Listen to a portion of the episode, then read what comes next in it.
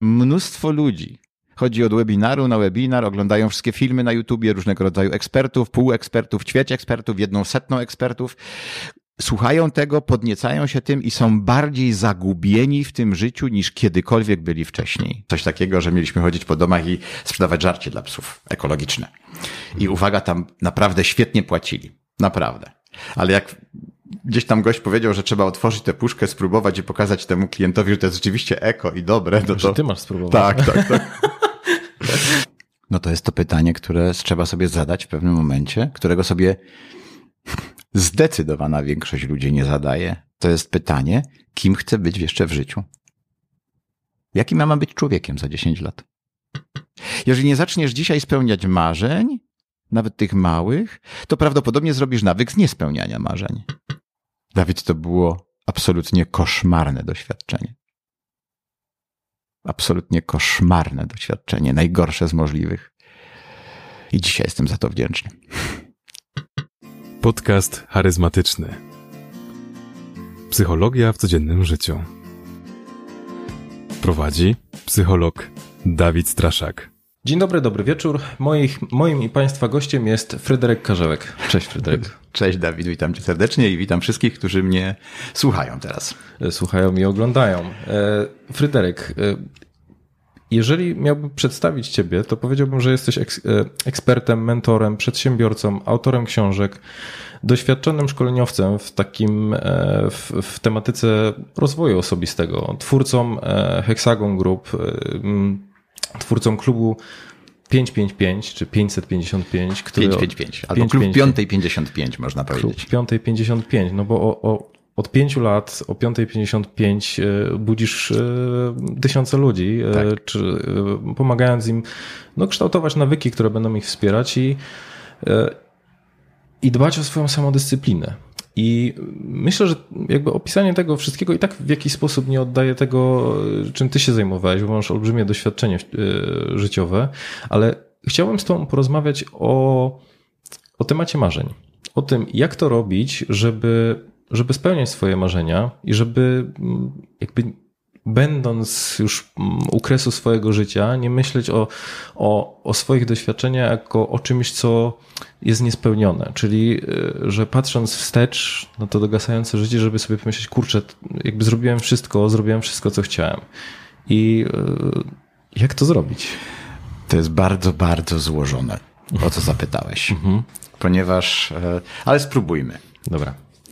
E, podobno starość zaczyna się w momencie, kiedy więcej czasu spędzamy na wspomnieniach niż na marzeniach, na snuciu marzeń. Czyli więcej czasu spędzamy w przeszłości niż na myśleniu o tym, co jeszcze ma być. Ja to codziennie powtarzam w klubie 555, na który zresztą bardzo serdecznie wszystkich zapraszam, o codziennie o 5.55. E, powtarzam zawsze, że trzeba uważać i głęboko w to wierzyć i oczekiwać, mhm. że najlepsze jest ciągle jeszcze przed nami. To jest pewnego rodzaju nastawienie. Nastawienie, ale też moim zdaniem gwarant takiego dobrego życia, które nas jeszcze czeka. Bo ja, ja, ja jestem wielkim przeciwnikiem emerytury. Jak gdybym był politykiem, w ogóle bym zlikwidował emeryturę. Uważam, że emerytura jest pewnego rodzaju e, punktem zwrotnym w życiu człowieka. Co masz na myśli? Dlaczego? Mam na myśli to, że człowiek przechodząc na emeryturę, tak trochę w większości przypadków niestety kapcanieje. W większości przypadków. Zaczynamy się wtedy skupiać na tym, żeby iść częściej do lekarza, żeby choroby się pojawiają i tak dalej, i tak dalej. To widzę u większości ludzi, nie mówię, że u wszystkich. Ale e, jest to taki punkt zwrotny w życiu człowieka, że mówimy, aha, czyli to już jest teraz początek końca, tak? To jest mentalne nastawienie. Ja kończę w tym roku 63 lata. Po pierwsze, nie wybieram się na żadną emeryturę.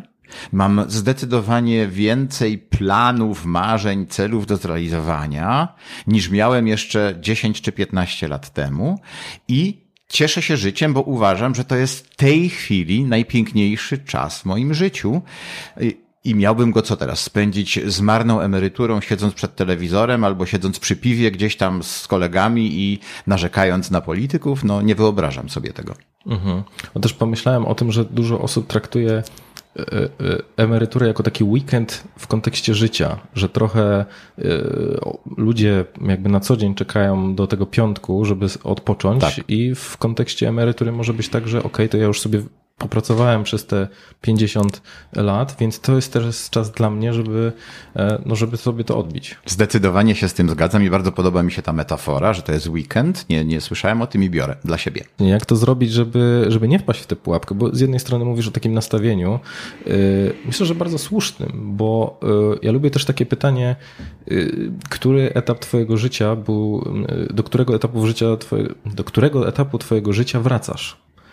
I często ludzie, o, może inaczej, że bardzo ciekawe rzeczy do powiedzenia mają ludzie, którzy mówią, ja najbardziej lubię ten etap. Że ja nie wracam do liceum, studiów, jak jeszcze nie było dzieci, tylko myślą o tym, że to, to jest najfajniejszy no to czas. pozwól, że opowiem ci historię pewną. Mhm.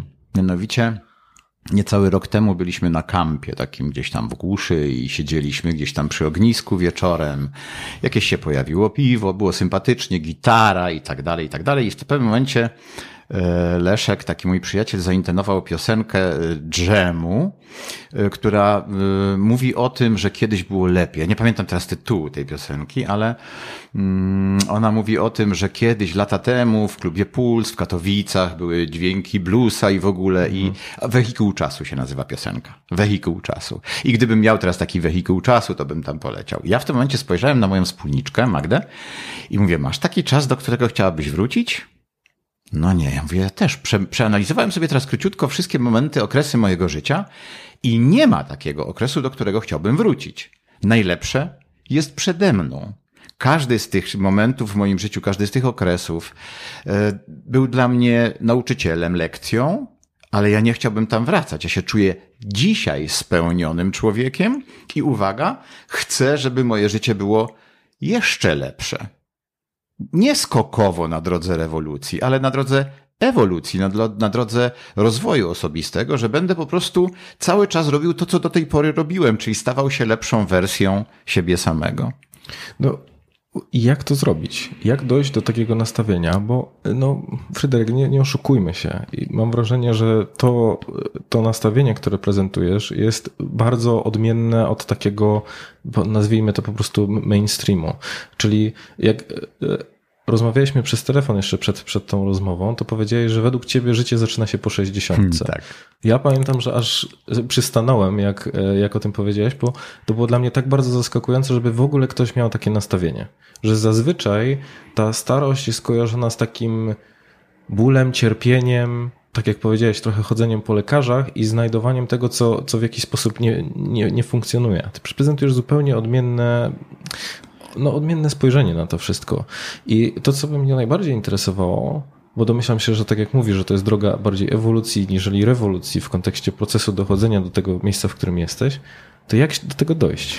Jeżeli mogę tylko odnieść się do tego, co powiedziałeś, bo to jest coś, co mnie ostatnio pasjonuje, fascynuje, zajmuje mi to mnóstwo y, energii i czasu, mianowicie zajmuję się mocno tematem anti-agingu, anti-agingu i długowieczności. I uwaga, ja wiem, że nie będę wiecznie żył. Mam tego świadomość. Ale chcę dożyć jak najdłużej w zdrowiu. To jest mój cel. Ten stereotyp taki starości, niedołęstwa, wiesz, chorób i tak mhm. dalej, ja go chcę złamać. I tak. po prostu poszukuję dzisiaj i znajduję sposoby na to, żeby żyć długo, zdrowo. I uwaga, ja, nikt nie jest mi w stanie zagwarantować, że będę nieśmiertelny, ale uwaga, są dzisiaj sposoby na to, żeby dożywać sędziwego wieku, będąc zdrowym człowiekiem. I to jest to coś, co chciałbym do wszystkich słuchaczy teraz i widzów powiedzieć, że starość wcale nie musi być bólem, niedołęstwem, może być pogodna, szczęśliwa do końca, do ostatniego tchu wydanego przez nas. Kilka takich elementów, które będą decydować o tym. Przede wszystkim to y, trzeba naprawdę y, dbać o ruch. To jest bardzo ważne. I ten wysiłek taki e, regularny jest fundamentem. My jesteśmy stworzeni do chodzenia, do wysiłku, do pracy fizycznej. Dwa, i to też jest te pierwsze dwa, o których mówię, są powszechnie znane. To jest odpowiednia dieta i to nie są płatki Nestle na śniadanie. Czyli y, tak zaśmiałem się, bo pomyślałem, że to są rzeczy, które my wiemy. No tak.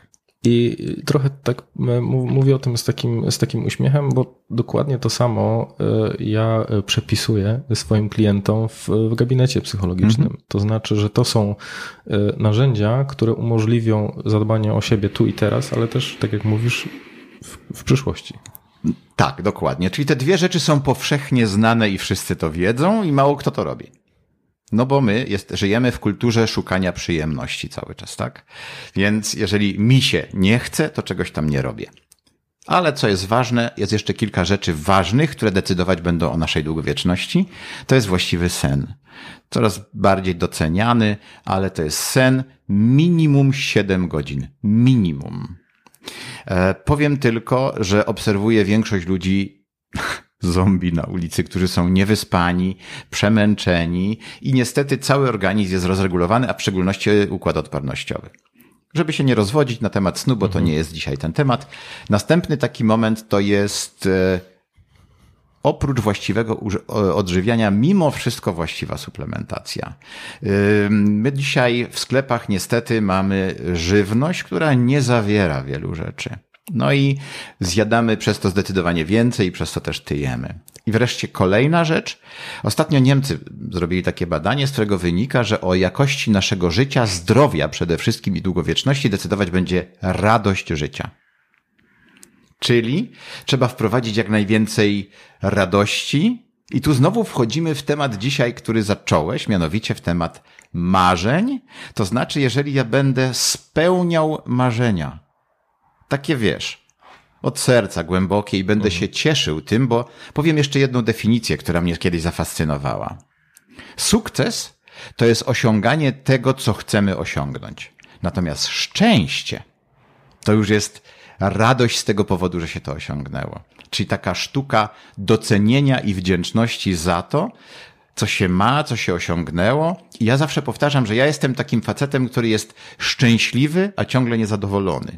To znaczy, wdzięczny za wszystko, szczęśliwy za to, co mam, ale jestem niezadowolony i ciągle jeszcze zmierzam do kolejnych rzeczy. I to tak w ten sposób to określam. No zazwyczaj, czyli trochę prezentujesz zupełnie odmienną e, takie podejście, które można obserwować. To znaczy, że ludzie dużo osiągają, ale nie są wcale z tego z powodu zadowoleni, czyli chcą coraz więcej i więcej. Czyli tego szczęścia, mimo tego sukcesu, tego szczęścia może, może u nich nie być. No tak. Mhm. Stąd się bierze tyle osób, które przeżywają depresję, ponieważ nie potrafią docenić tego, co mają. Myślę, że też Twoje doświadczenia pewnie dają Ci możliwość spojrzenia na to z zupełnie innej perspektywy. To znaczy, że w, no, przeżyłeś na przykład różne ostroje, różne i miałeś różnych prac, y, więc pewnie też patrzysz na to tak bardziej holistycznie.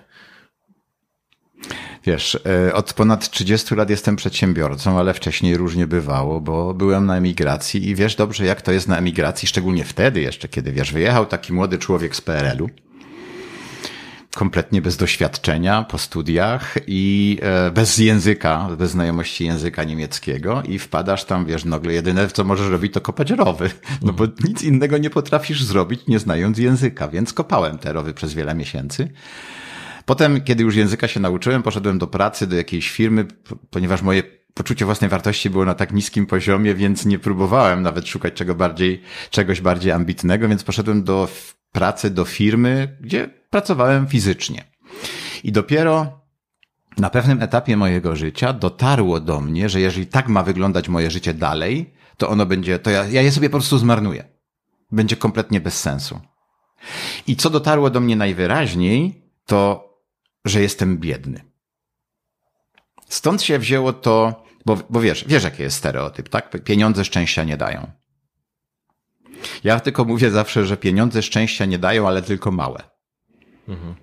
Bo jeżeli pracowałem, ja szedłem do pracy i nie zarabiałem jakoś tak strasznie mało, to nie było na granicy socjalu, ale ja wiedziałem, że jak pierwszego, y, miesiąc, pierwszego dnia miesiąca idę do pracy i na koniec dostanę wynagrodzenie, to ono mi pokryje dokładnie wydatki i utrzymanie. Czyli od pierwszego do pierwszego. Czyli od pierwszego do pierwszego. I powiedziałem sobie, ja tak nie chcę żyć.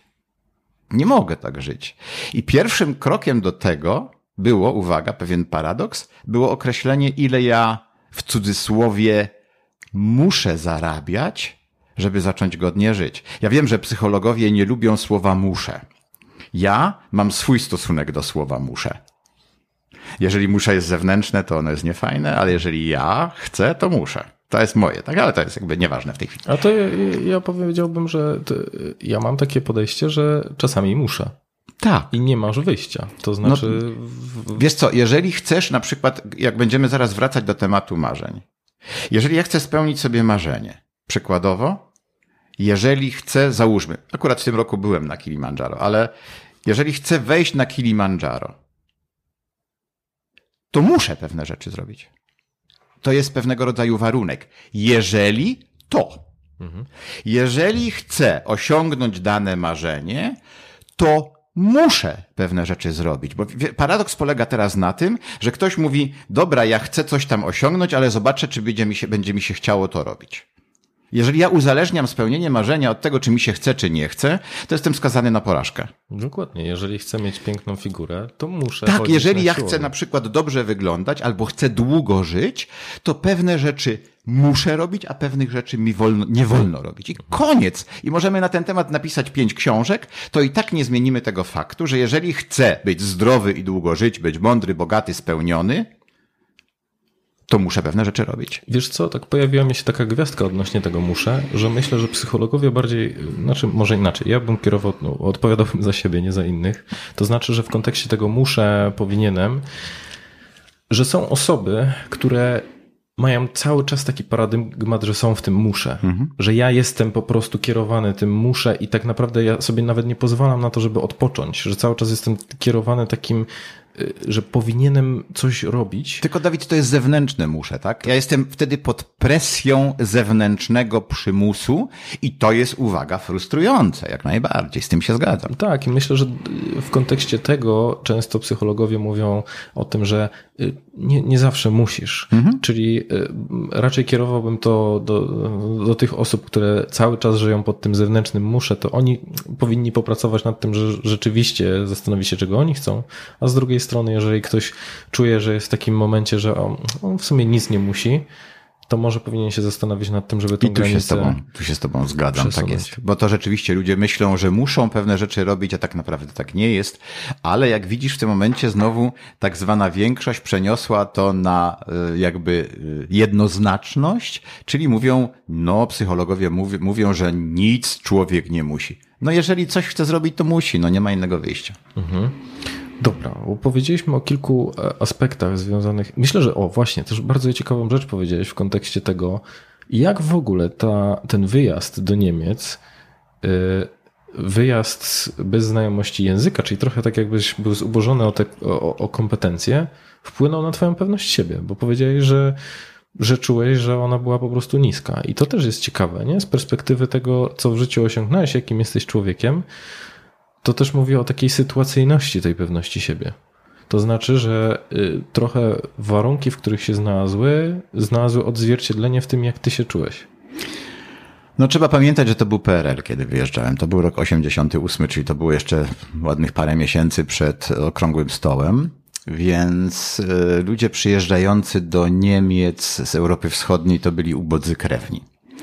Wiesz, to pieniądz nasz polski nie miał w ogóle kompletnie wartości i e, ta Deutsche Mark, czyli marka niemiecka, to miała naprawdę konkretną wartość. Ja byłem źle ubrany, ja byłem zaniedbany, ja byłem w stosunku do tego, co tam zobaczyłem, to po prostu był dla mnie jakiś zupełnie, wiesz, fantastyczny świat. I pierwsze miesiące, gdzie pracowałem rzeczywiście fizycznie e, kopiąc rowy, to wcale mi nie, mi nie pomogło w tym pobudowaniu poczucia pewności siebie, a nie wartości, bo przebywałem z ludźmi kopiącymi rowy, tak, więc y, oni na przykład rozmawiali na temat tego, że jajko kosztuje 12 fenigów, czy tam 20 i to jest ogromna ilość pieniędzy w ogóle na przykład, nie? No to jakim cudem ja miałem podnosić tutaj mniemanie o sobie, ale później z czasem poszedłem na jakiś tam kurs, yy, poznawałem nowych ludzi, poszedłem do tej innej pracy, gdzie już trochę lepiej się czułem, ale w momencie, kiedy dotarło do mnie, że jestem biedny i muszę zarabiać 10 tysięcy marek przynajmniej,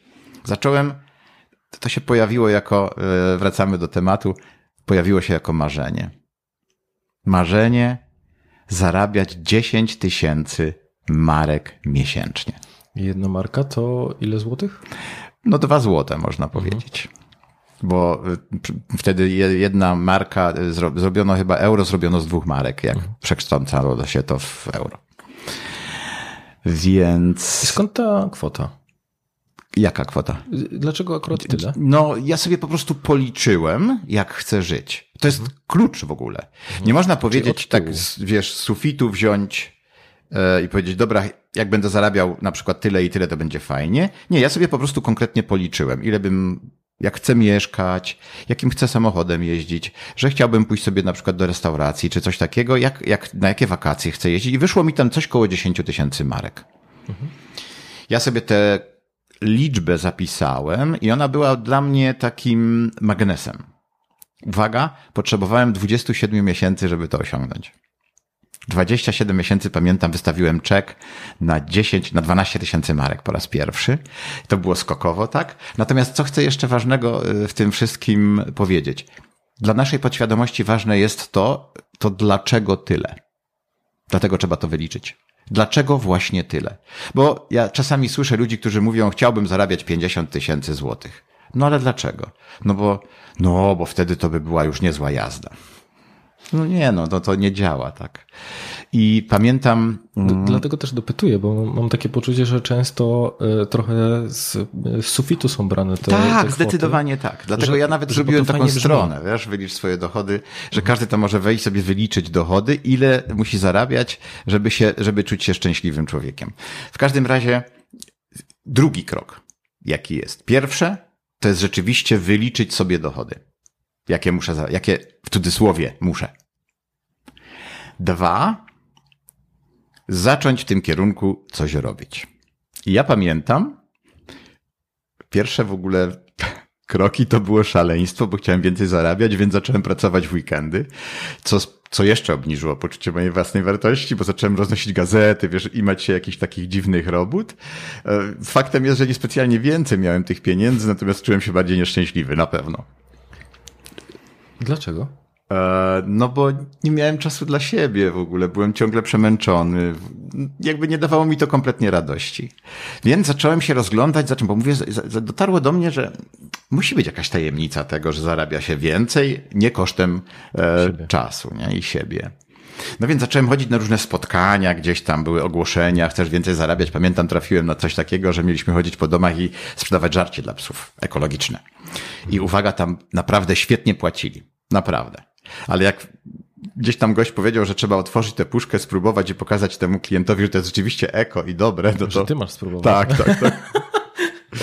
To nie, powiedziałem nie, nie, nie, nie. I pewnego dnia przyjechał do mnie mm, taki stary znajomy ze studiów. Aha, jeszcze jedną rzecz muszę do tego dodać. Ja generalnie mm, gardziłem sprzedażą wtedy. W sensie takim, że do mnie przychodzili różne, różni ludzie, żeby mi różne rzeczy sprzedawać.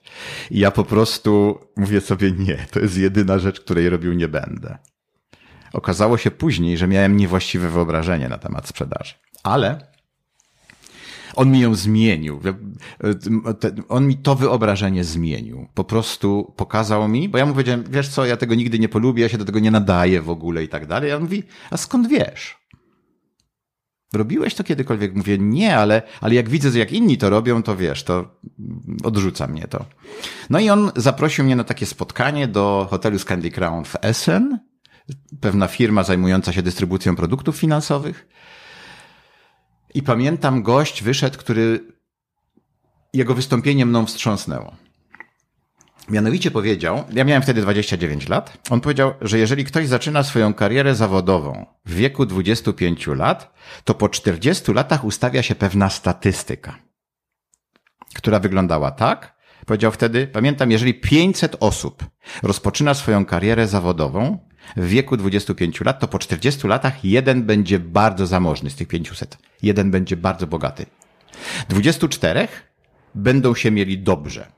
Czyli łącznie około 5% będą się mieli dobrze. 170 umrze, to była statyka, statystyka jest sprzed 30 lat, e, a cała reszta będzie skazana albo na pracę, albo na wegetację, albo na pomoc innych ludzi. Więc ja sobie to szybko policzyłem, że 170 nie będzie żyło, do nich nie chciałbym się zaliczać koniecznie. E, no to pozostaje mi tylko jedno. Muszę wejść do tej grupy 5%, którzy będą się mieli dobrze na emeryturze. No bo nie chcę się zaliczać do tych ludzi, którzy będą zdani na łaskę innych, czy też będą zdani na klepanie biedy, czy, czy wiesz, czy na pracę, ewentualnie przymus pracy, y, że będę musiał coś robić. Dzisiaj zmieniłem też zdanie na ten temat. Ja dzisiaj chcę pracować, ale nie muszę. Um, więc jak on to powiedział, pamiętam prowadzący Robert Siwczyk, e, to ja powiedziałem sobie, ja nie mam innego wyjścia. Ja muszę być w tych pięciu procentach. Nie mam innego wyjścia. Ja muszę być w tych pięciu procentach. Bo inaczej zaprzepaszczę sobie życie. I zapisałem sobie kolejne marzenie, osiągnięcie finansowej niezależności. I to później, to już była później lawina. Oczywiście po drodze była upadłość jeszcze kilka lat później, ponieważ e, nieopierzony gość przyjechał z PRL-u i myślał, że wszystkie rozumy pozjadał, więc e, przytrafiło się, ale to też było dobre. Dlaczego to było dobre? Myślę, że to jest ciężka rzecz, bo mm, mówisz o tym z uśmiechem na ustach, ale domyślam się, że w momencie, kiedy, mm, kiedy to się wydarzało, to to musiało być ciężkie doświadczenie. Dawid, to było absolutnie koszmarne doświadczenie. Absolutnie koszmarne doświadczenie, najgorsze z możliwych. I dzisiaj jestem za to wdzięczny.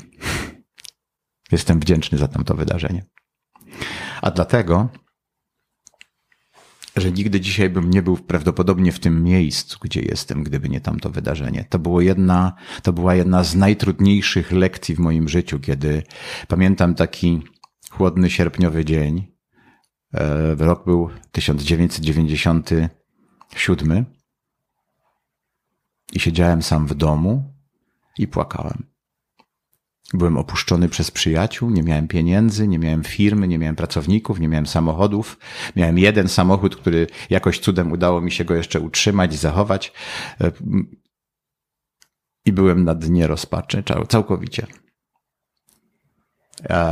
Ostatnie pieniądze wydałem na takie jeszcze szkolenie, gdzie szukałem pomocy i pojechałem do takiego holenderskiego motywatora nazwiskiem Emile Ratelband. I to był taki dosyć przełomowy moment w moim życiu, ale tak jak powiedziałem, e, jestem dzisiaj z perspektywy tych e, ponad 25 lat, jestem wdzięczny za to, co się wydarzyło, bo nie byłbym tutaj dzisiaj, gdzie jestem. To jak to przekułeś w takie nastawienie, które jest dla ciebie wspierające? Bo opisujesz to właśnie z, z, ja czuję ten ciężar tego doświadczenia, jak, jak o nim mówisz, ale z perspektywy czasu mówisz o tym, że, że gdyby nie ono, nie byłbyś w tym miejscu, w którym teraz jesteś. I myślę, że wiele osób, bo może być, było, albo, albo być może będzie w takiej sytuacji, w których będą doświadczali czegoś, co będzie z pozoru dla nich na tyle przytłaczające, co będzie w takim tak, takim końcem świata dla nich. I co ty sobie powiedziałeś, albo co sprawiło, że mimo wszystko się nie poddałeś i poszedłeś dalej? Co było dla ciebie tym, że się po prostu nie załamałeś w tym hmm, momencie? To były kolejne marzenia, które chciałem spełnić. Pamiętam, kiedy pojechałem właśnie do tego wspomnianego przede, przeze mnie przed chwilą e, Emila Ratelbanda, ja zobaczyłem światełko w tunelu. Mianowicie kilka miesięcy wcześniej jeden z moich przyjaciół, jedyny, który mi pozostał, powiedział mi wtedy, Fryderyk, ty masz talent e, w przemawianiu do ludzi. Powinieneś to wykorzystać. Ja nie wiedziałem o tym kompletnie, ale powiedział mi to jedyny przyjaciel, który mi wtedy został. Powiedział, pomyśl o tym, że może byś szkolenia robił albo coś takiego, bo naprawdę ludzie cię chętnie słuchają, sposób w jaki mówisz i tak dalej, i tak dalej. Ale ja to nie zwróciłem na to uwagi i teraz, kiedy byłem na tym szkoleniu u Emila Ratelbanda, tam było około 300 osób. Jak zobaczyłem, jak on panuje nad tym tłumem, co on z nimi robi, pło, zobaczyłem siebie. Mhm. Mówię, ja chcę to robić. Wrócę do Polski, będę wymiatał, a to był rok 97, czyli wiesz, jeszcze przed wejściem do Unii Europejskiej, trudne czasy. Już zobaczyłem siebie i mówię, jest, ja to będę robił. I poszedłem do niego na koniec szkolenia, do Emila i mówię, słuchaj Emile, daj mi tylko szansę, a ja będę twoim darmowym asystentem, będę nosił ci walizki, będę robił najgorsze roboty, ale daj mi sposobność do tego, żebym się u ciebie uczył. Ja chcę się nauczyć tego, jak ty to robisz. Bła, ja marzę o tym. I wtedy on zrobił najlepszą rzecz. Dzisiaj z perspektywy czasu wiem. Najlepszą rzecz dla mnie, jaką mógł zrobić. Mianowicie odmówił. Ale powiedział przepiękne zdanie. Ja je dzisiaj pamiętam, pomimo, że to jest 97 rok, czyli 26 lat temu. Mhm. Powiedział zdanie, przykro mi Fryderyk, ale muszę ci odmówić. Wysłuchał mojej historii. Powiedział mi, no, dobrze, że tak się stało, jesteś, dlatego jesteś tutaj ze mną. I mówi, nie pomogę ci, bo uwaga, jeżeli to jest w tobie, o czym marzysz, to dasz sobie radę sam, beze mnie. Jeżeli tego nie ma w tobie, to będziesz się u mnie uczył, a potem zwalisz na mnie odpowiedzialność, że ci nie wyszło. Więc uwaga, napisał mi szybko na kartce numer komórkowy. Mówi, tu jest numer komórkowy do mnie. Zadzwoń do mnie, jak, jak, jak będziesz w tym miejscu, w którym chcesz być. Ja w tym momencie pomyślałem sobie, oszust. Ty łajzo. To ja tu z otwartym sercem na dłoni w ogóle i ty mi odrzucasz? Okazało się później, że rzeczywiście to było najlepsze, co mógł dla mnie zrobić, bo ja rzuciłem się w wir zajęć, półtora roku później wróciłem do Polski i zacząłem to robić. Moje pierwsze wystąpienia były absolutnie koszmarne. Ale z czasem byłem coraz lepszy i uwaga, w 2001 roku w styczniu byłem u niego w Holandii bo mu zadzwoniłem, że chcę mu właśnie go poinformować. Pamiętał mnie, zaprosił mnie do siebie i, i okazało się, że, że byłem w tym miejscu, tak? W którym to, to nie było jeszcze to miejsce jak dzisiaj, wiesz. Wtedy to było tak na miastka tego, ale, ale zrobiłem to. Zrobiłem to sam. To daje poczucie radości i satysfakcji. To jak wyglądał ten twój wewnętrzny monolog? Bo opowiadasz o tym e, jako taką serię e, ciężkich wydarzeń. To znaczy, że z jednej strony upadłość, z drugiej strony e, wiesz, pozostawienie przez po prostu bliskich, że ty byłeś w tym wszystkim sam i w momencie, kiedy dostajesz trochę to światełko, widzisz to światełko w tunelu, to jednak ono jest przygaszone mówieniem takim, takim znowu pozostaniem samotnym w, w tym wszystkim, że dobra, to fajnie, cieszę się, że, że masz taką wizję, ale ty mnie nie potrzebujesz.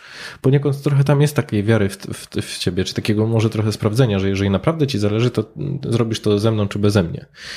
Y, co do siebie mówiłeś? I też mówisz o tym, że te pierwsze wystąpienia nie były takie, jakbyś sobie, jakbyś sobie życzył. To jak ty byłeś, jak ty wykształcałeś sobie tą odporność na, na to, żeby pomimo tych wszystkich przeciwności losu, bo myślę, że to jest szalenie ważne, nawet w kontekście tych czasów, w których jesteśmy, żeby się nie poddawać. Wiesz, Miałem marzenia. Mhm. Miałem marzenia. Chciałem zobaczyć świat, chciałem mieć dom, chciałem e, prowadzić piękne życie, chciałem e, osiągać bardzo dużo rzeczy jeszcze, które wtedy były dla mnie poza zasięgiem. I to było dużo, dużo silniejsze niż chęć takiego pójścia na socjal w Niemczech, bo w zasadzie mógłbym pójść tam na socjal, wiesz. No tam jest dobry socjal. Świetny. I mógłbym, wiesz, nawet nieźle żyć, tak? E, może na wakacje bym specjalnie nie pojeździł, ale e, może by było nie najgorzej, ale dla mnie tutaj nie było kompromisu. Ja po prostu albo osiągnę to, za, powiedziałem sobie po prostu jestem gotów ciężko pracować, żeby to osiągnąć. I dzisiaj y, jestem znany w social mediach jako ten, który jest najbardziej wytrwałym i zdyscyplinowanym facetem z tych, którzy w ogóle gdzieś tam się udzielają bo y, jakby tak, coś takiego jak klub 555 było też moim marzeniem. Ja chciałem zaistnieć i dzielić się moimi, moimi, moją wiedzą, moimi doświadczeniami. Chciałem po prostu ludziom pokazywać, i inspirować ich do tego, że można naprawdę cieszyć się życiem i spełniać marzenia. I to nie jest specjalnie skomplikowane. To jest tak naprawdę proste, chociaż wcale nie jest takie łatwe, ale jest proste. I, ja codziennie rano o tym do ludzi mówię, że po prostu, żeby wierzyli w siebie, żeby byli wytrwali, żeby się nie poddawali, żeby po prostu dążyli do realizacji swoich marzeń i mnóstwo ludzi za moją namową to zrobiło. Na przykład jak skakałem teraz ze spadochronem e, w, tandemie, oczywiście pod koniec maja, to mnóstwo osób poszło za moim przykładem i też spełnili sobie to marzenie. Super. No wiesz, jak słucham ciebie, to ja czuję takie, e, to co mi bardzo imponuje, to to, że ty masz takie głębokie przekonanie, że ta, ta wizja jest do zrealizowania. E, I, I to w ogóle jest dla mnie takie, takim czymś bardzo hmm, no, imponującym, bo rzadko w kim takie przekonanie można dostrzec. To znaczy, że mimo, mam wrażenie, że te wszystkie hmm, ciężkie doświadczenia bardziej wzmocniły cię w kontekście dojścia do tego celu, niż odwrotnie. A, a mówię też tutaj o takim swoim doświadczeniu w pracy z klientami, że widzę, że często ludzie, którzy są osiągają jakieś sukcesy, to czasami splot kilku wydarzeń potrafi ich zatrzymać, a wręcz uwstecznić w ogóle w tym działaniu. To znaczy, że moja babcia ma takie powiedzenie, że jeden problem to nie problem, dwa problemy to nie, to, to, to nadal nie problem, ale trzy to już problem. I zawsze myślałem, że to jest takie trochę trochę unieważnianie tego, że ktoś się z czymś boryka, ale mam wrażenie, że, że w istocie tak jest, że w momencie, kiedy kilka elementów składa się, czy idzie w naszym życiu w danym momencie nie tak, to to może być rzeczywiście takim hamulcem ręcznym do dalszego rozwoju. A trochę słuchając Twojej opowieści, mam wrażenie, że Ty wtedy nabrałeś tego rozpędu, że mimo, że te marzenia, o których rozmawiamy, były dla Ciebie tak silną wizją i chęć do ich realizacji, jakbyś był nie do powstrzymania. Tak. Jest jeszcze jedna rzecz, do której chciałbym się odnieść teraz odnośnie tego, co powiedziała twoja babcia. Musimy jednej rzeczy się nauczyć. E, bo problemy mogą być dwojakiego rodzaju. Mogą być w obszarze, w którym nie masz wpływu, bo coś się dzieje, albo problemy mogą być w obszarze twojego wpływu, gdzie możesz z tym coś zrobić. Ja kiedyś opracowałem sobie coś takiego, co nazwałem heksagonem szczęścia, czyli sześć dziedzin w naszym życiu, sześć obszarów.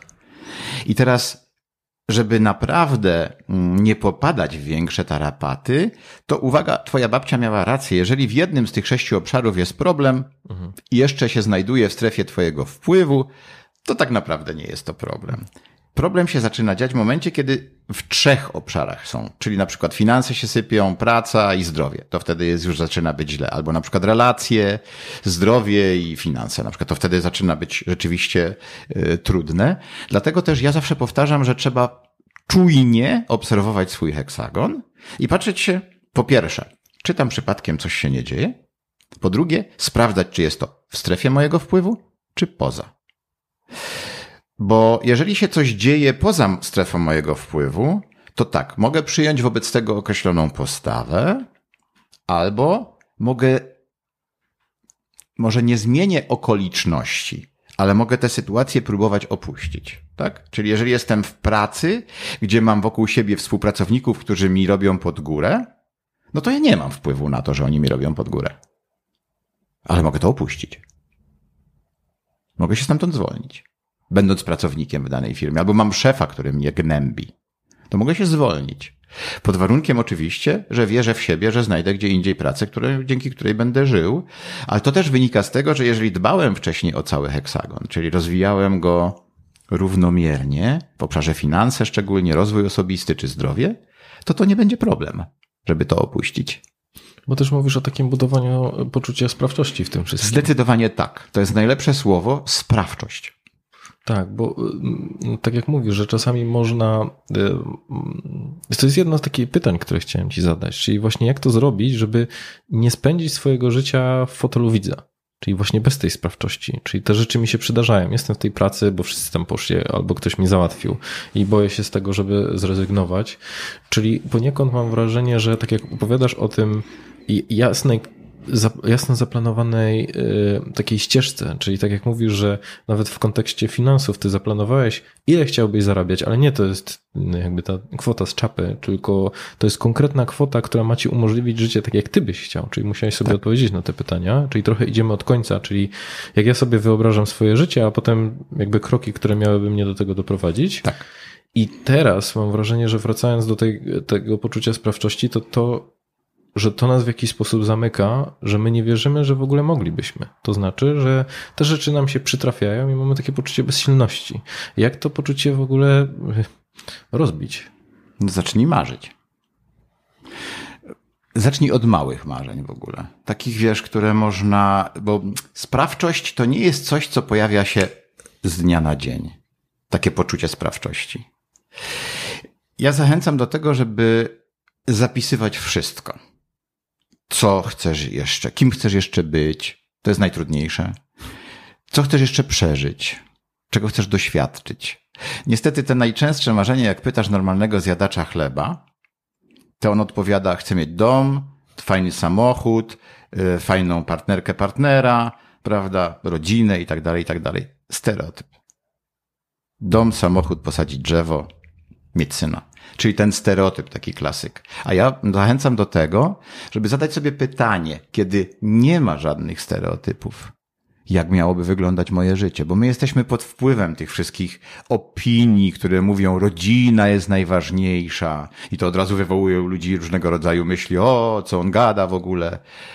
A tak naprawdę ja dopuszczam to, że dla kogoś rodzina nie musi być najważniejsza. Czyli trochę pozwalasz im myśleć po swojemu. Ale tak powinno moim zdaniem być w każdym przypadku. Jeżeli jest dla ciebie rodzina ważna, to żyj w zgodzie ze swoimi wartościami. Pamiętaj jednak, że to, to, to, to będzie pewnego rodzaju być może problemem. Bo jeżeli ktoś ma wartości typu wolność, niezależność, e, to dla niego posiadanie domu, rodziny i trójki dzieci będzie troszeczkę kolidowało z tą wartością. To jaką jest to wolność. delikatnie powiedziane. Delikatnie powiedziane. W związku z czym ja dopuszczam to, żeby ludzie żyli, znaczy nie, ja chcę, bardzo chcę, żeby ludzie żyli świadomie, wiedząc to, co jest dla nich ważne i w zgodzie z tym się y, rozwijali. Zresztą posiadanie, znaczy generalnie bycie wolnym też nie wyklucza posiadania rodziny, tylko w tym momencie masz do tego odpowiedni stosunek. I wracając do tego, e, uważam, że trzeba zacząć, żeby stać się sprawczym. Trzeba zacząć od realizacji mniejszych marzeń. Że na przykład masz listę 200 marzeń i patrzysz się pewnego pięknego dnia i mówisz, a może by tak dzisiaj zamiast siedzieć w domu i oglądać telewizję, to może bym sobie spełnił, zobaczmy, o, marzenie numer 42. Pojechać nad morze, ni stąd, ni zowąd. Albo pojechać autostopem co dzisiaj jest, wiesz, niepraktykowane. Ja teraz zmyślam, ja bez mhm. sufitu, bo akurat jeżdżenie autostopem nie jest moim marzeniem. Ale. Czyli pokazać, co, czyli zaczynać od drobniejszych rzeczy. Tak, żeby, żeby powiedzieć sobie, no, no generalnie chciałbym ni stąd, ni zowąd pojechać nad morze, zobaczyć wschód słońca nad morzem. Jest piątek, wieczorem, rano, w sobotę wsiadam w pociąg, śpię gdzieś tam obojętnie, biorąc pod uwagę swoje możliwości finansowe Jestem o świcie nad morzem. Podziwiam wschód słońca. I w tym momencie, podsumowując realizację tego marzenia, bo to jest bardzo ważne, mogę sobie powiedzieć: O, chciałem tak i zrobiłem to. Mogę. Mogę. Decyzja, plan, realizacja. Wszystko na tym świecie, co fizycznie, materialnie istnieje, powstaje na drodze tych trzech prostych kroków. Decyzja, plan, realizacja. Decyduje się, żeby pojechać nad morze, żeby zobaczyć wschód słońca. Zapisuje sobie prosty plan, czyli kiedy, gdzie, o której mam dojechać, ile mam na to wydać pieniędzy, gdzie mam spać, o której mam wstać. Działanie. O świcie w sobotę wyjeżdżam. Myślę, że to jest ta kluczowa rzecz, że tak jak mówisz, że rodzina, dom, nawet jakby nie oceniając właśnie tych, y, tych marzeń, to to są duże rzeczy. To są rzeczy, które zabierają, myślę, że lata e, albo dziesięciolecia w kontekście realizacji, a tak jak mówisz, że mm, określenie czegoś, co moglibyśmy zrealizować w jeden dzień, albo nawet w tydzień, to już jest, buduje w nas takie przekonanie, że ja mogę i mogę zrobić to trochę po swojemu i tak jak ja bym chciał. A e, też pomyślałem o takim potencjalnym zagrożeniu, że e, ludzie mają tendencję, e, zwłaszcza w, w kontekście tak, takiej osoby z chwiejną samooceną, że wolą realizować bardzo łatwe zadania albo bardzo trudne. Bo jak zrealizuję bardzo łatwe, no to uff, zrobiłem, a bardzo trudne, no to nie jest wstydem umrzeć idąc na Kilimandżaro, e, czy znaczy umrzeć w takim w cudzysłowie, mówiąc o tym, że nie zrealizować tego celu. A e, a po drodze są właśnie te średniej wielkości zadania, które też e, domyślam się, że to już jest kolejny krok w kontekście realizowania marzeń. Czyli pojechałem nad to morze, a teraz zastanówmy się, jakie kompetencje na przykład chciał, musiałbym zdobyć, żeby zmienić pracę na taką, jaką bym chciał. No to jest to pytanie, które trzeba sobie zadać w pewnym momencie, którego sobie zdecydowana większość ludzi nie zadaje. To jest pytanie, kim chcę być jeszcze w życiu? Jakim ja mam być człowiekiem za 10 lat? Jak mam, jak mam wyglądać za 10 lat? Jak ma wyglądać mój stan zdrowia, moje konto, co chcę robić? Wiesz, jakie marzenia chcę wtedy spełniać? Y, w jakiej chcę być sytuacji rodzinnej? Y, co muszę wiedzieć, umieć? Jakie chce zdobyć doświadczenie do tego momentu. Czyli trzeba sobie wyobrazić takiego Dawida za 10 lat. Będzie rok 2033.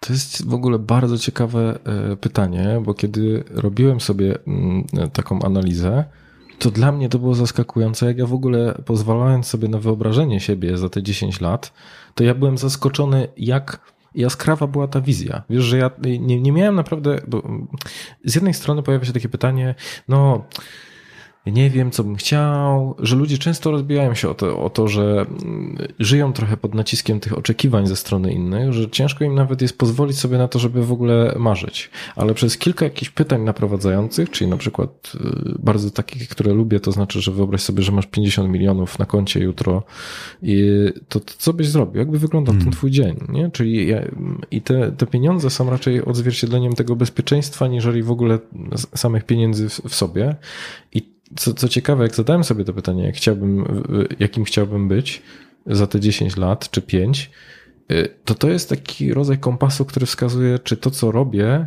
jest w zgodzie ze mną, czy to mnie doprowadza do tej wizji siebie, tego spełnienia tego marzenia, jakim chciałbym być, czy mnie oddala. Mhm.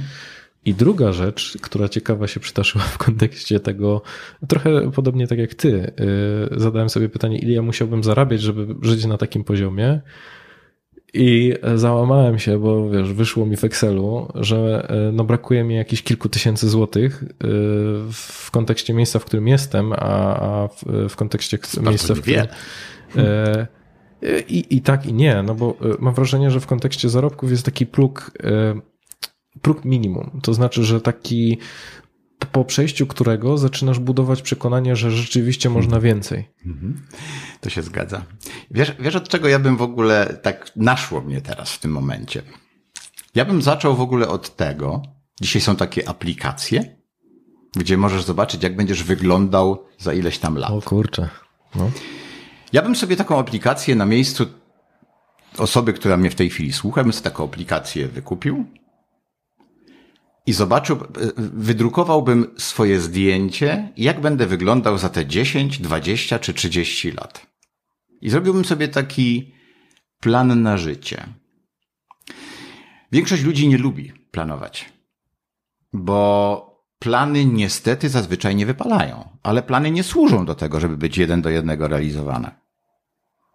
To powiedział kiedyś e, Eisenhower, że planowanie jest wszystkim, a plan jest niczym. I kompletnie tego ludzie nie rozumieją, że trzeba planować, wiedząc, że ten plan nie wypali. Ale. Co, co, co masz na myśli? Mam na myśli to, że na przykład, wyobraź sobie teraz, co powiedziałem przed chwilą. Mhm. Na ścianie wiszą trzy ogromne zdjęcia. Jeżeli masz, załóżmy dzisiaj 30 lat, to widzisz siebie 40, 50 i 60-letniego. Mhm. Tak? I masz zapisane pod każdym z tych, masz zapisane co, kiedy będziesz umiał, co będziesz robił i tak dalej, i tak dalej uwaga, ten plan na 100% się nie, nie zrealizuje jeden do jednego. On, on się będzie realizował inaczej. Ale nie będziesz stał w miejscu. Tak naprawdę o to chodzi w planowaniu, że jeżeli zaplanowałeś na przykład zrobienie czegoś tam, zrealizowanie jakiegoś marzenia i będziesz tym, zaczniesz w tym kierunku coś robić, to po drodze będą pojawiały się okoliczności, które spowodują, że zmienisz ten plan pojawiają się, tak jak w grze platformowej. Czasami pojawi się jakaś okazja, droga na skróty, albo się pojawi coś skomplikowanego i zdecydowanie to tę drogę wydłuży, ale tym się nie wolno zrażać. I tak trzeba planować, wyznaczać marzenia, cele i pisać plan do tego, pomimo że wiesz, on prawdopodobnie nie wypali jeden do jednego. ale trzeba dalej planować. To jest to, co powiedział Eisenhower, czego nie rozumieją ludzie. Planowanie jest wszystkim, a plan jest niczym. No i z drugiej strony plan to nie teren. To znaczy, że jak Tak, masz tak. ta, plan, to nie- okazuje się, że to wszystko nie jest takie proste, jakby się Tak. wydawało. Albo czasami jest prostsze. Bo ty na przykład masz w głowie założenia, że to będzie skomplikowane, po czym trafiasz na kogoś, mentora, nauczyciela, on ci mówi, weź ty, nie rób tego tak, to się robi dzisiaj tak. I nagle okazujesz się, wiesz, że jesteś u celu ileś tam tygodni wcześniej, tak? To zawsze kojarzy mi się taki e, film po internecie krąży, z, chyba z jakiegoś takiego wo, wojskowego programu polskiego Selekcja, coś w tym stylu, gdzie pokazywano w jaki sposób szkoli się żołnierzy e, i był żołnierz, który bał się wejść, e, przeczołgać się przez taki cie, ciemny tunel. No i to trochę w, ciekawie pokazywało taką si- siłę autorytetu wojskową, bo on bardzo nie chciał z tego względu, że bał się ciemności i w pewnym momencie podszedł chyba jakiś dowódca, ja też nie znam się na stopniach wojskowych, ale powiedział wepchnąć. I wtedy y, ten żołnierz powiedział, dobra, dobra, to ja sam wejdę. Y, No i z jednej strony, wiesz, taka empatia w stronę tego człowieka, że on musiał w jakiś sposób przezwyciężyć ten swój strach, mimo tego, że widać było, że to, to było dla niego ciężkie, a z drugiej strony, że czasami pojawia się taka osoba, która bez zawahania jest w stanie powiedzieć, jakby poniekąd ty dasz radę. Więc myślę, że to w kontekście tego mentora, o którym ty mówisz, ale wiesz, mam wrażenie, że słowo mentor to jest taki, takie duże słowo. Ale jak to zrobić w kontekście schodząc do takiego poziomu codzienności, żeby wiedzieć, kogo słuchać? Żeby tego mentora odpowiednio wybrać. Ja mam bardzo prostą metodę, kogo słuchać. Jeżeli ktoś ma mi doradzać kwestii zdrowia, to muszę wiedzieć, jakie ma wyniki. Czy jest zdrowy.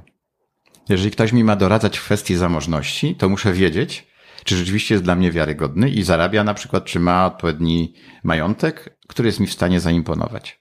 Jeżeli ktoś mi ma doradzać w, w kategorii mojej kariery, pracy i co ja mam robić, to muszę wiedzieć, że on to ma za sobą, to znaczy kocha to, co robi. Tak? Że on rzeczywiście jest dla mnie wzorcem. I tak jest dokładnie ze wszystkim. Y, Jeżeli ktoś jest dla mnie, ktoś ma być dla mnie wiarygodny, to ja muszę wiedzieć, że on tym żyje. Że to jest on i on jest dla mnie pewnego rodzaju dowodem na to, że to, co do mnie będzie mówił, działa.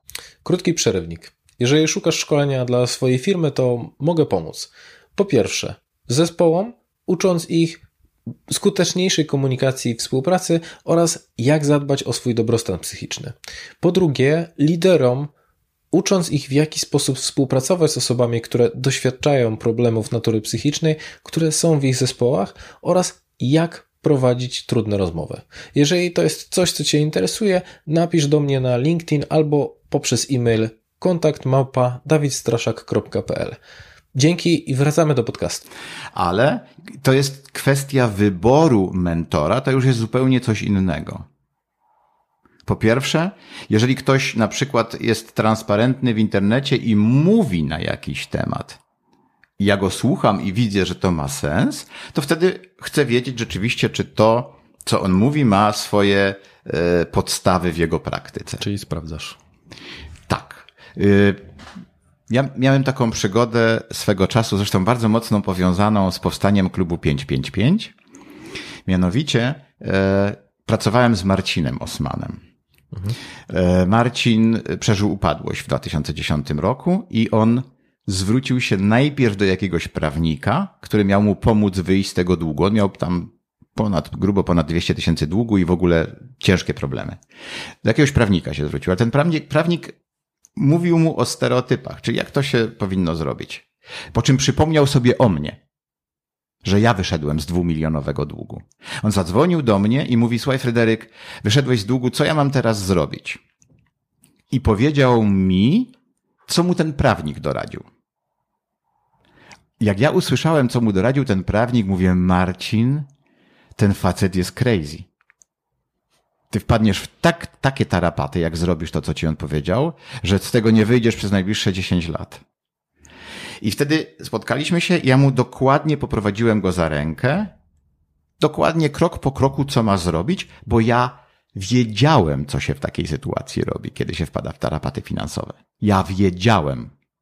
bo ja przez to przeszedłem. Nie uniknąłem oczywiście wtedy błędów, ale dzisiaj wiedziałem, czy dzisiaj, pięć lat temu już doskonale wiedziałem, czego nie robić, a co robić, żeby wyjść z długu w ogóle. I Marcin wyszedł z tego długu w bardzo krótkim czasie.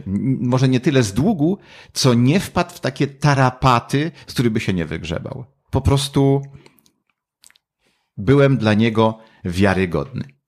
No to też skojarzyło mi się z tym, e, w jaki sposób powstają artykuły na takich dużych portalach w momencie, kiedy zatrudnia się copywriterów, e, a gdzie to najczęściej są, wiesz, osoby, które są w trakcie studiów i piszą artykuł w taki sposób, że żeby się dobrze wyszukiwało w Google, e, piszą z trzech innych artykułów, raczej no, ja mówię o takich kiepskich jakościowo oczywiście z, w artykułach, i wysta- a jak jest dobrze spozycjonowany, to możesz się szybko na coś takiego natknąć i Tak. dać wiarę temu, co jest napisane na, na jakby pierwszej stronie yy, i źle na tym wyjść. Czyli trochę jak, jak opowiadasz o tym przykładzie Marcina.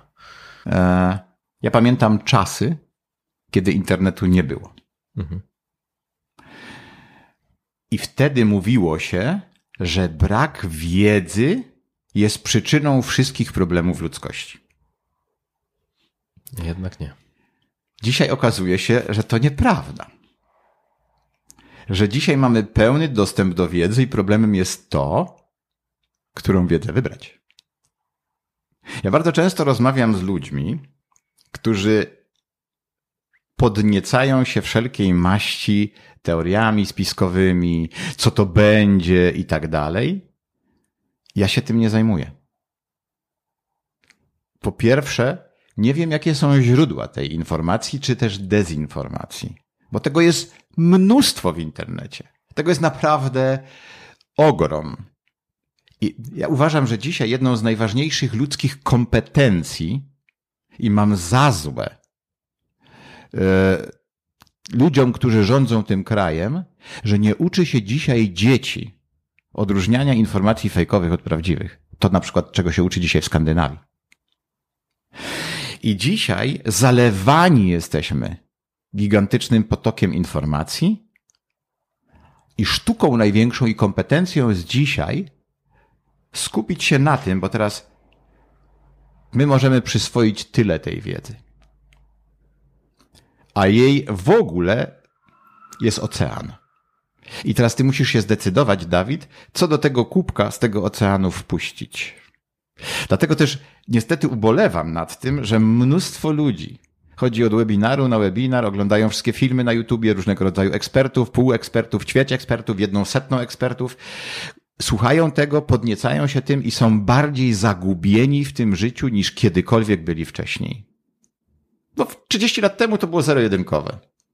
Idziesz do lekarza, księdza, prawnika, Tak. oni ci powiedzą, robisz Tak, tak, bo nie masz wyjścia. Tak jest. No, nie- nie, możesz tego nawet zweryfikować. Bo jak? Dzisiaj jeden ci mówi tak, drugi mówisz tak i ty w końcu co robisz? Nic. Stoisz dalej w miejscu, bo dalej jesteś coraz bardziej niepewny tego, co ci się podaje.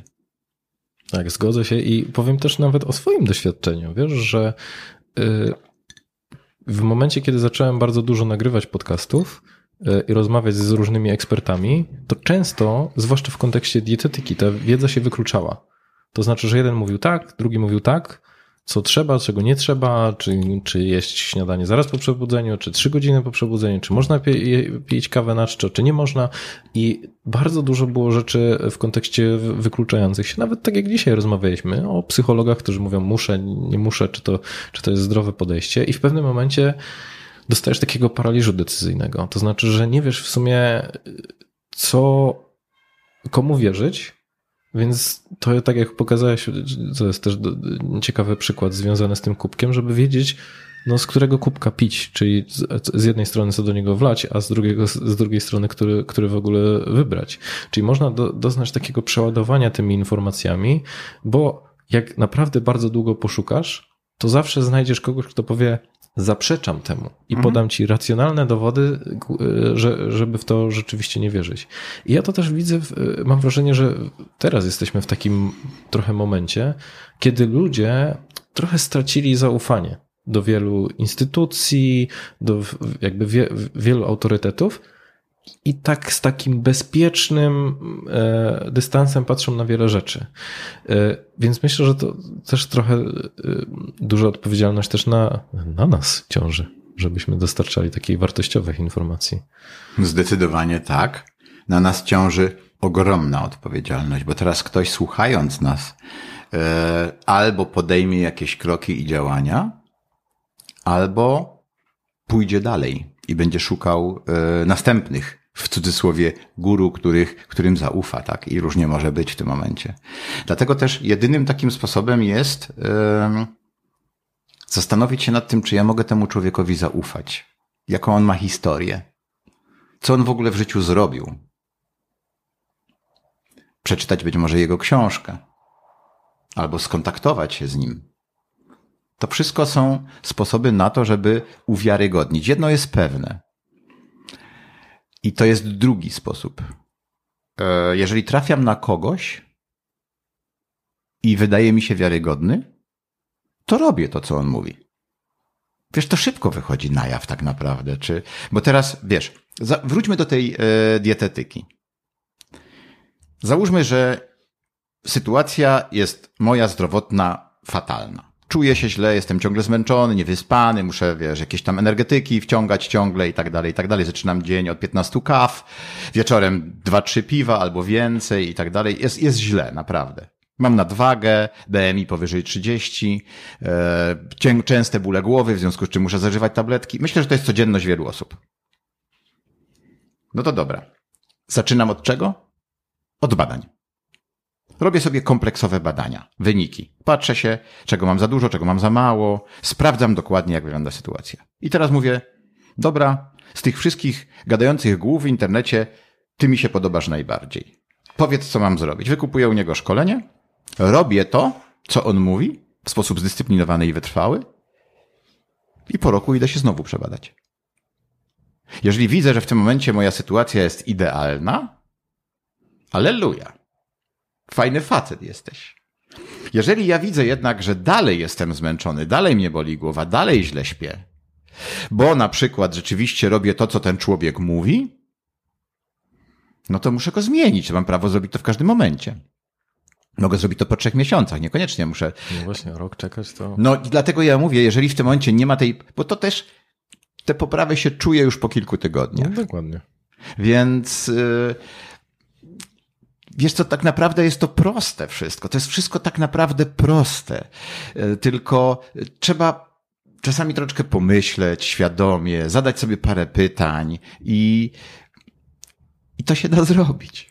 Powiedziałeś też o tym, że ludzie rozbijają się, że, że nie lubią planowania, ale ja też powiedziałbym, że nie lubią działania że nie lubią przekuwać, tak jak trochę powiedziałeś o tej pułapce chodzenia z webinaru na webinar, szukania po prostu jakiejś takiej idealnej odpowiedzi, to, to jak to zrobić, żeby zacząć działać?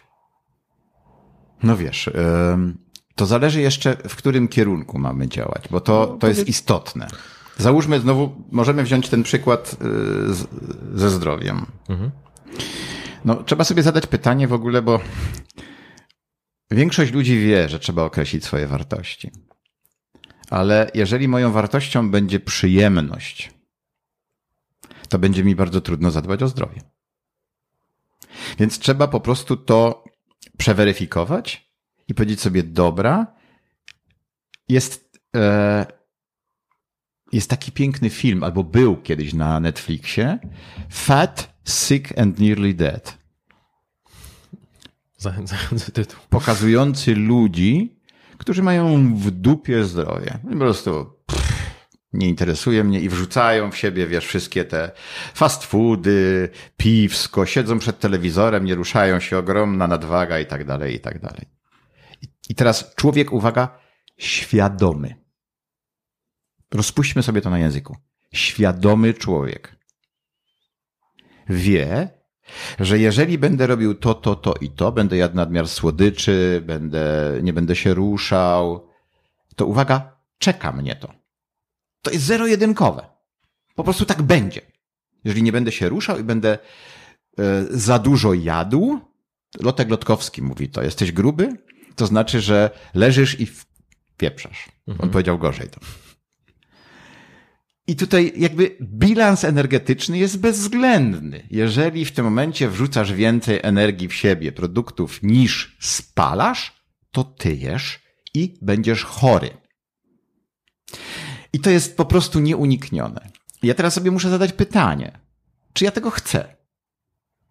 Czy ja chcę przedwcześnie umrzeć? Czy chcę chorować na starość, mieć wszystkie te możliwe przypadłości, których się normalnie ludzie boją? Ale to jest opóźniona gratyfikacja.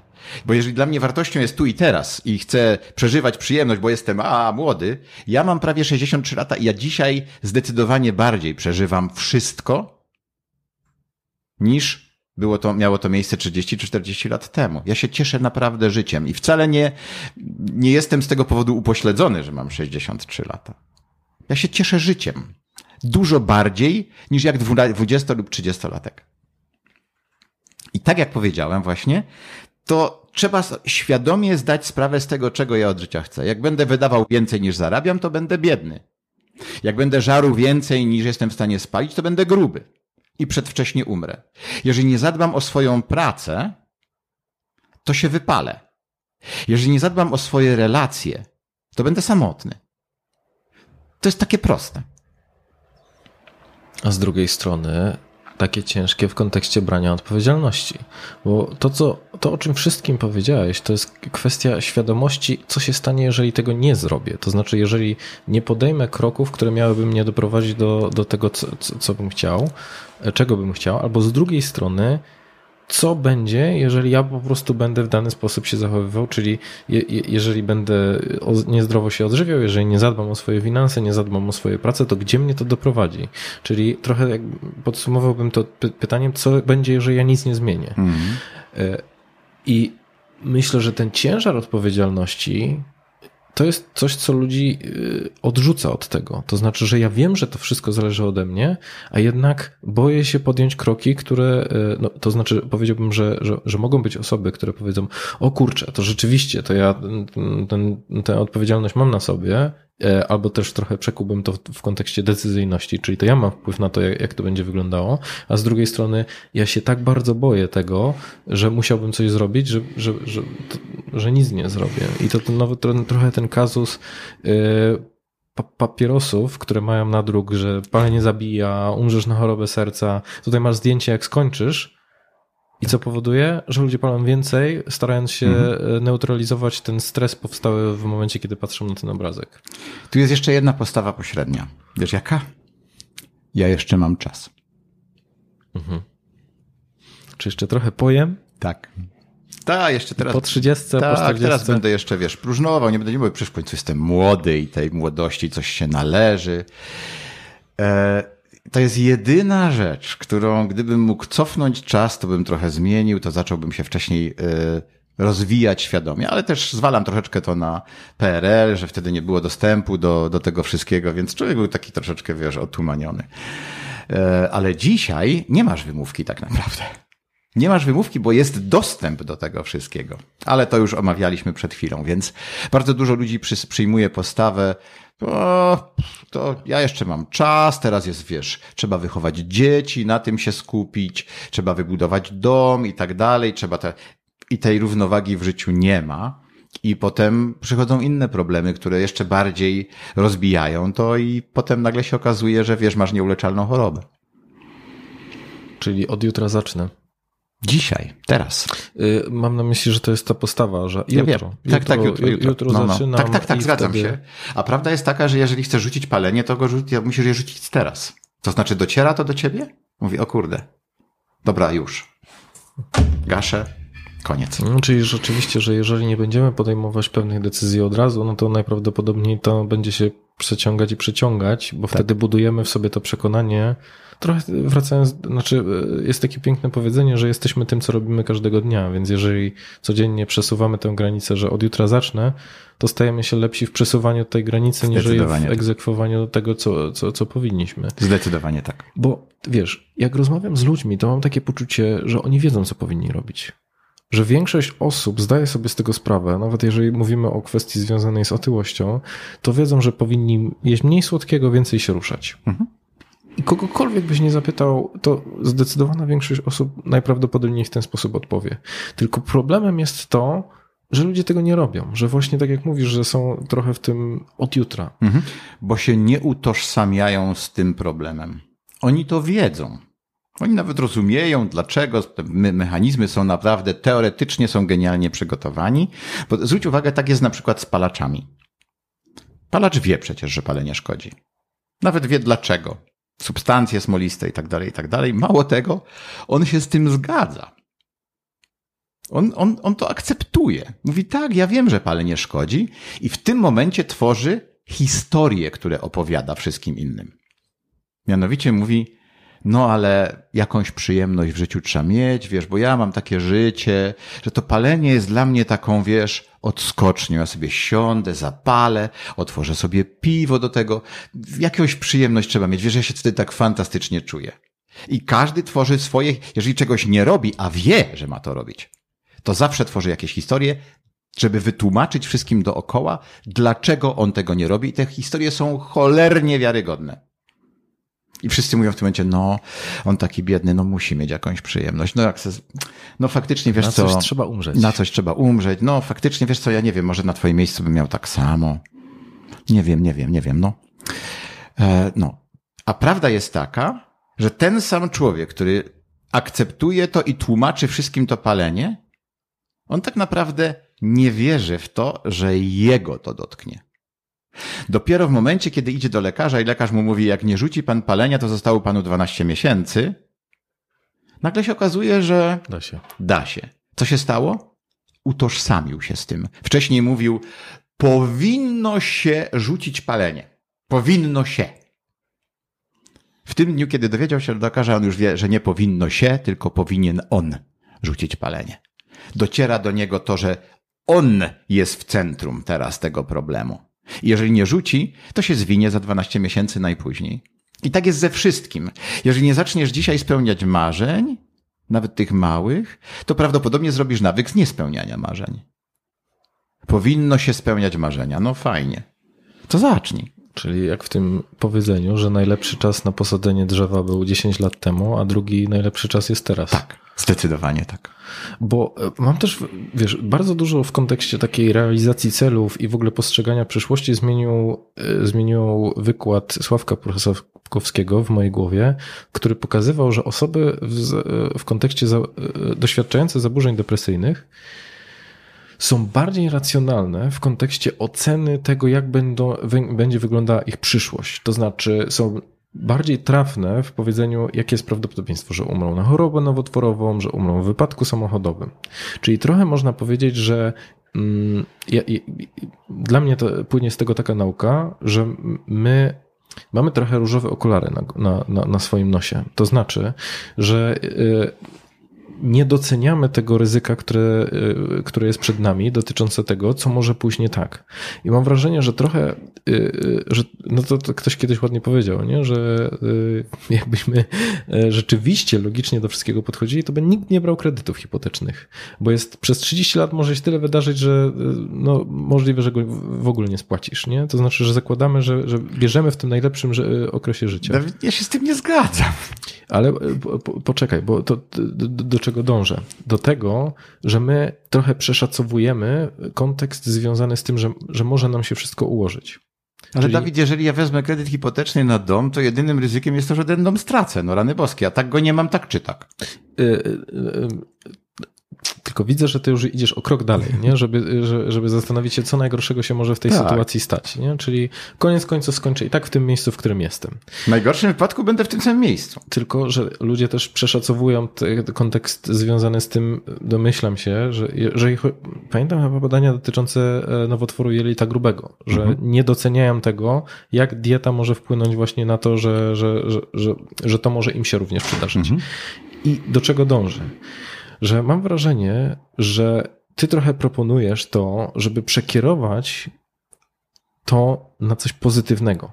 Bo z drugiej strony, jak opowiadałeś o tym, jak siedziałeś na tym wykładzie, kiedy okazało się, że tylko 5% będzie, osób będzie miało takie życie, jakby chciało, no to też to może być odebrane jako o, 5% to w ogóle spalony w przedbiegach, ja nie będę się starał.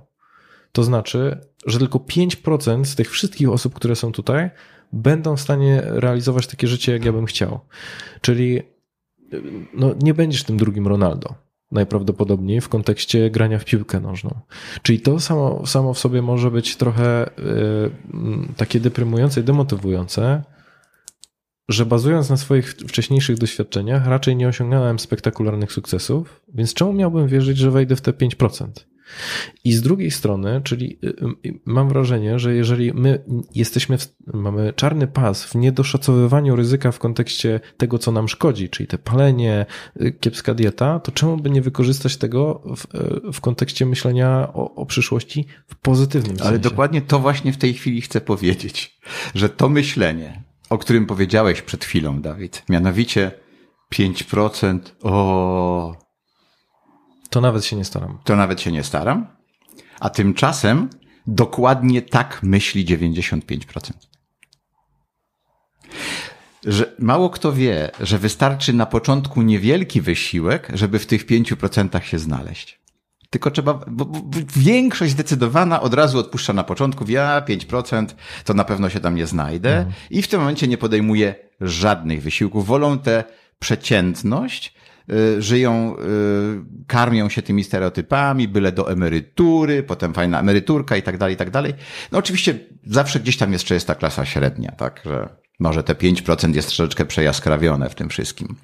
Ale wolą to niż włożyć jakikolwiek wysiłek w to po prostu. A ten wysiłek z mojej perspektywy nie jest wcale aż taki ogromny, jak wszystkim się wydaje. Albo z drugiej strony może być ogromny, jeżeli nie zrobimy tego w rozsądny sposób. No bo, tak. Bo, bo wróćmy do, do tego, o czym ty powiedziałeś na samym początku, o twoich doświadczeniach. I one mi są bardzo bliskie, y, z tego względu, że wiesz, pracowałeś na weekendy, to też wprawie, sprawiało, że ty czułeś się gorzej. To znaczy, że bardzo łatwo można wpaść w ten mm, taki kołowrotek, który nigdzie się nie, nie, nie, nie doprowadzi. To znaczy, że ty pracujesz bardzo dużo, ale jeżeli robisz to w taki ciężko, o, jeżeli pracujesz ciężko, ale nie mądrze, to możesz tak pracować przez większą część życia i spójrz na to, że ta ciężka praca wcale dla ciebie nie była motywująca, wręcz powiedziałeś o tym, że ona była demotywująca i ty gorzej myślałeś o sobie. Zdecydowanie, tak. No jakby tutaj wprowadziłbym chętnie jeszcze takie pojęcie, którego jeszcze nie dotknęliśmy, mianowicie to jest tak zwana byle jakość. Wiesz, że to dużo ludzi mówi, sporo osób tak mówi, żeby jakoś w ogóle było. Żeby jakoś było. Mhm. Tymczasem nie wiedzą, że wpadają w pułapkę byle jakości, przeciętności, powtarzalności, czyli takiego, taką budują sobie taką skorupę grubą, żeby nie odbierać tej świadomości, że właściwie idą w kierunku przepaści y, i przestają odbierać również te pozytywne rzeczy. Stają się właśnie takimi trochę zombie, jak ja to mówię. I ja tutaj jestem zdania, że jakby wracając do tego, co przed chwilą powiedziałeś i wokół czego się kręci cała nasza rozmowa, znowu wrócę do tego. Pisz marzenia. Zapisuj marzenie dowolne. Kim chcesz jeszcze być? To, co mówiliśmy tam, zrób sobie schemat człowieka za 10 lat i tak dalej. Dwa, co chcesz jeszcze w życiu przeżyć? Na przykład ja poszedłem w 2019 roku do, z Polski do Hiszpanii, do Santiago de Compostela i wędrowałem trzy miesiące. Przeżycie niesamowite. Ale może chcesz przeżyć skok ze spadochronem. Może chcesz zdobyć Kilimandżaro, też to zrobiłem ostatnio. Ale ja ci nie narzucam, co ty masz przeżyć. W ogóle napisz, co chciałbyś przeżyć. Bo ten problem polega dzisiaj na tym, że jeżeli ty nie wiesz, co chciałbyś przeżyć, to już nie jest bardzo fajnie. Jest już naprawdę źle. A często się z tym spotykasz? Że ludzie nie wiedzą? Bardzo często. Bardzo często. Jak go zapytasz o marzenia, to on ma, jest w stanie napisać pięć, dziesięć. I to takie, wiesz... Sztampowe. Sztampowe, takie, co większość ma. Czyli nie jego. No tak, on mówi, no fajnie by było, gdyby. Mhm. Bardzo fajne pytanie, które y, lubię w kontekście realizacji celów, marzeń, to jest kwestia związana z tym, żeby zadać sobie pytanie, co jeżeli tego nie zrealizuję. Y, bo to w jakiś sposób odrzuca Że to może w sumie nie jest moje, tylko że wypada powiedzieć, że chciałbym skoczyć ze spadochronem, no bo tam Fryderyk mówił w podcaście, więc może to to. E, I zadaj sobie to pytanie, jeżeli okazuje się, że, że jeżeli ja bym tego nie zrealizował, to wzruszę ramionami, to może rzeczywiście to nie było moje. Ja, ja myślę, że lepszym sposobem na to jest zadać sobie pytanie, dlaczego ja to chcę zrobić. I poszukać jak najwięcej powodów, bo jeżeli ich nie mam, to to faktycznie może nie być moje marzenie. Ale jeżeli mam powody, dlaczego ja chcę coś zrobić, przykładowo, jedno z moich marzeń, ci zdradzę, jest pobić rekord świata w biegu na 100 metrów w kategorii wiekowej 100+. Plus. Nieźle rąbnięty jestem, nie? No ciekawe, a jaki jest? Ko- Kojarzysz? Jesteś w stanie Chyba coś koło 38 sekund. Okej. Należy do naszego rodaka, Mhm. który zmarł w ubiegłym roku, zresztą chyba pochodził z Wrocławia. Zmarł w zeszłym roku w wieku 111 lat. O ile pamiętam, nazywał się Stanisław Kowalski. Do niego właśnie należał rekord świata w biegu na 100 metrów. Tutaj na stadionie we Wrocławiu był pobity ten rekord. Okej, super. I ja sobie powiedziałem, czas najwyższy ten rekord pobić. Ale zwróć uwagę, co implikuje to marzenie. Że ty musisz dożyć. Po pierwsze, muszę dożyć tych 100 lat. Więc teraz nie mam wyjścia. I teraz pamiętasz, o czym rozmawialiśmy? O słowie muszę? Jeżeli ja chcę ten rekord pobić, to muszę dożyć 100 lat. Jeżeli chcę dożyć 100 lat, to muszę, i tutaj za tym idzie cała litania rzeczy, które ja po prostu muszę robić, żeby dożyć tego wieku. Dlaczego jest to dla mnie ważne? Dlatego, że chcę długo żyć, chcę być zdrowy, chcę cieszyć się życiem, chcę spełniać marzenia, chcę otaczać się wspaniałymi ludźmi. Ja mam tutaj tyle powodów do tego, żeby y, to marzenie spełnić, że nie widzę innego wyjścia. Powiedziałeś o tym, że ludzie rozbijają się o kwestie związane z tym, że nie chcą, nie, nie, może nie chcą, nie tyle nie chcą, co nie wiedzą, czego by chcieli. To jak ich ośmielasz? Jak, y, czy udaje ci się w ogóle ich otworzyć na to, żeby oni pozwolili sobie na to, żeby wiedzieć, czego chcą dla siebie? Żeby mogli marzyć. Wiesz co, chyba najlepszym sposobem jest na to, na to jest to, żeby pokazywać ludziom, że można to robić w tym wieku. Większość ludzi, jak mnie widzi, mówią, ale ty masz 63 lata prawie? No tak. Wow, nie dałbym ci. Ja biologicznie mam 50, w sensie takim, że y, jakbym, jak zrobiłbyś mi badania jakieś tam pod względem składu i tak dalej, to moje ciało ma 50 lat i dążę do tego, żeby dojść tam jeszcze do 40. Teraz jestem na tej drodze. Więc moim zdaniem takim najlepszym sposobem jest nie, nie jest do końca ważne to, co my im mówimy, Co robimy? tylko co my robimy i jaki stanowimy wzór. Bo jeżeli ja byłbym teraz zgorz- zgorzkniałym, przedemerytalnym, sfrustrowanym facetem, no to dla nikogo nie byłbym wiarygodny. Ale ja jestem, nieskromnie powiem, dobrze wyglądającym facetem, który mm, spełnia swoje marzenia, który jest w stanie pójść z Polski do Hiszpanii na piechotę, który jest w stanie spełniać swoje marzenia, który dzisiaj na przykład prowadzi do swojej tam określonej wagi na drodze świadomej, wyliczeń i tak dalej, i tak dalej, to inni mówią, halo, może ja też mogę. Więc to jest najbardziej skuteczne. Oczywiście, że ja przekonuję codziennie rano o 5.55 do tego, żeby żyć długo, zdrowo, mądrze, bogato, w spełniony sposób i być szczęśliwym. Ale wiesz, ludzie też przychodzą, e, brawo, brawo Fryderyk, ale jesteś dzielny, ale nie, nie, nie za bardzo zabierają z tego cokolwiek. To, to zależy od, od, od jak, podobno jak, jak uczeń jest gotów, to pojawia się mistrz. To jak ci się udało wstawać przez 5 lat o 5.55? Po prostu. Powiedziałeś sobie, że musisz. No, wiesz, cała, jakby ja, dotarło do mnie, że jedynym problemem we wczesnym wstawaniu jest samo wstawanie. Mhm. Muszę się dowlec do łazienki. Jak puszczę zimną wodę i spłuczę sobie, przemyję sobie twarz, to już mi się nie chce wracać do łóżka. Druga tajemnica, trzeba chodzić o odpowiedniej porze spać. To się rzadko o tym mówi, prawda? Że, no bo o której chodzisz? Bo ty powiedziałeś, 22 najpóźniej. że, czyli 4.55 wstajesz. Tak, 22 to jest deadline absolutny, że śpię. Dobra. Ale też moje dlaczego jest takie, że między 22 a chyba trzecią nad ranem się najlepiej regeneruje układ odpornościowy, w związku z czym ja chcę być zdrowy, w związku z czym dla mnie nie ma siedzenia w nocy. Przy Czyli piwie. trochę wracamy do tej wartości, która jest dla ciebie nadrzędna. Tak. Związana ze zdrowiem i po I prostu długowiecznością. dobrym samopoczuciem. Mhm. Y, Jest coś jeszcze w kontekście sekretów wstawania o tej godzinie? Doszłapać do Wykluczyć drzemki Mhm. całkowicie, bo to rozwala system. E, No wiadomo, później, wiesz, rano jest wczesne wstawanie ma szereg zalet.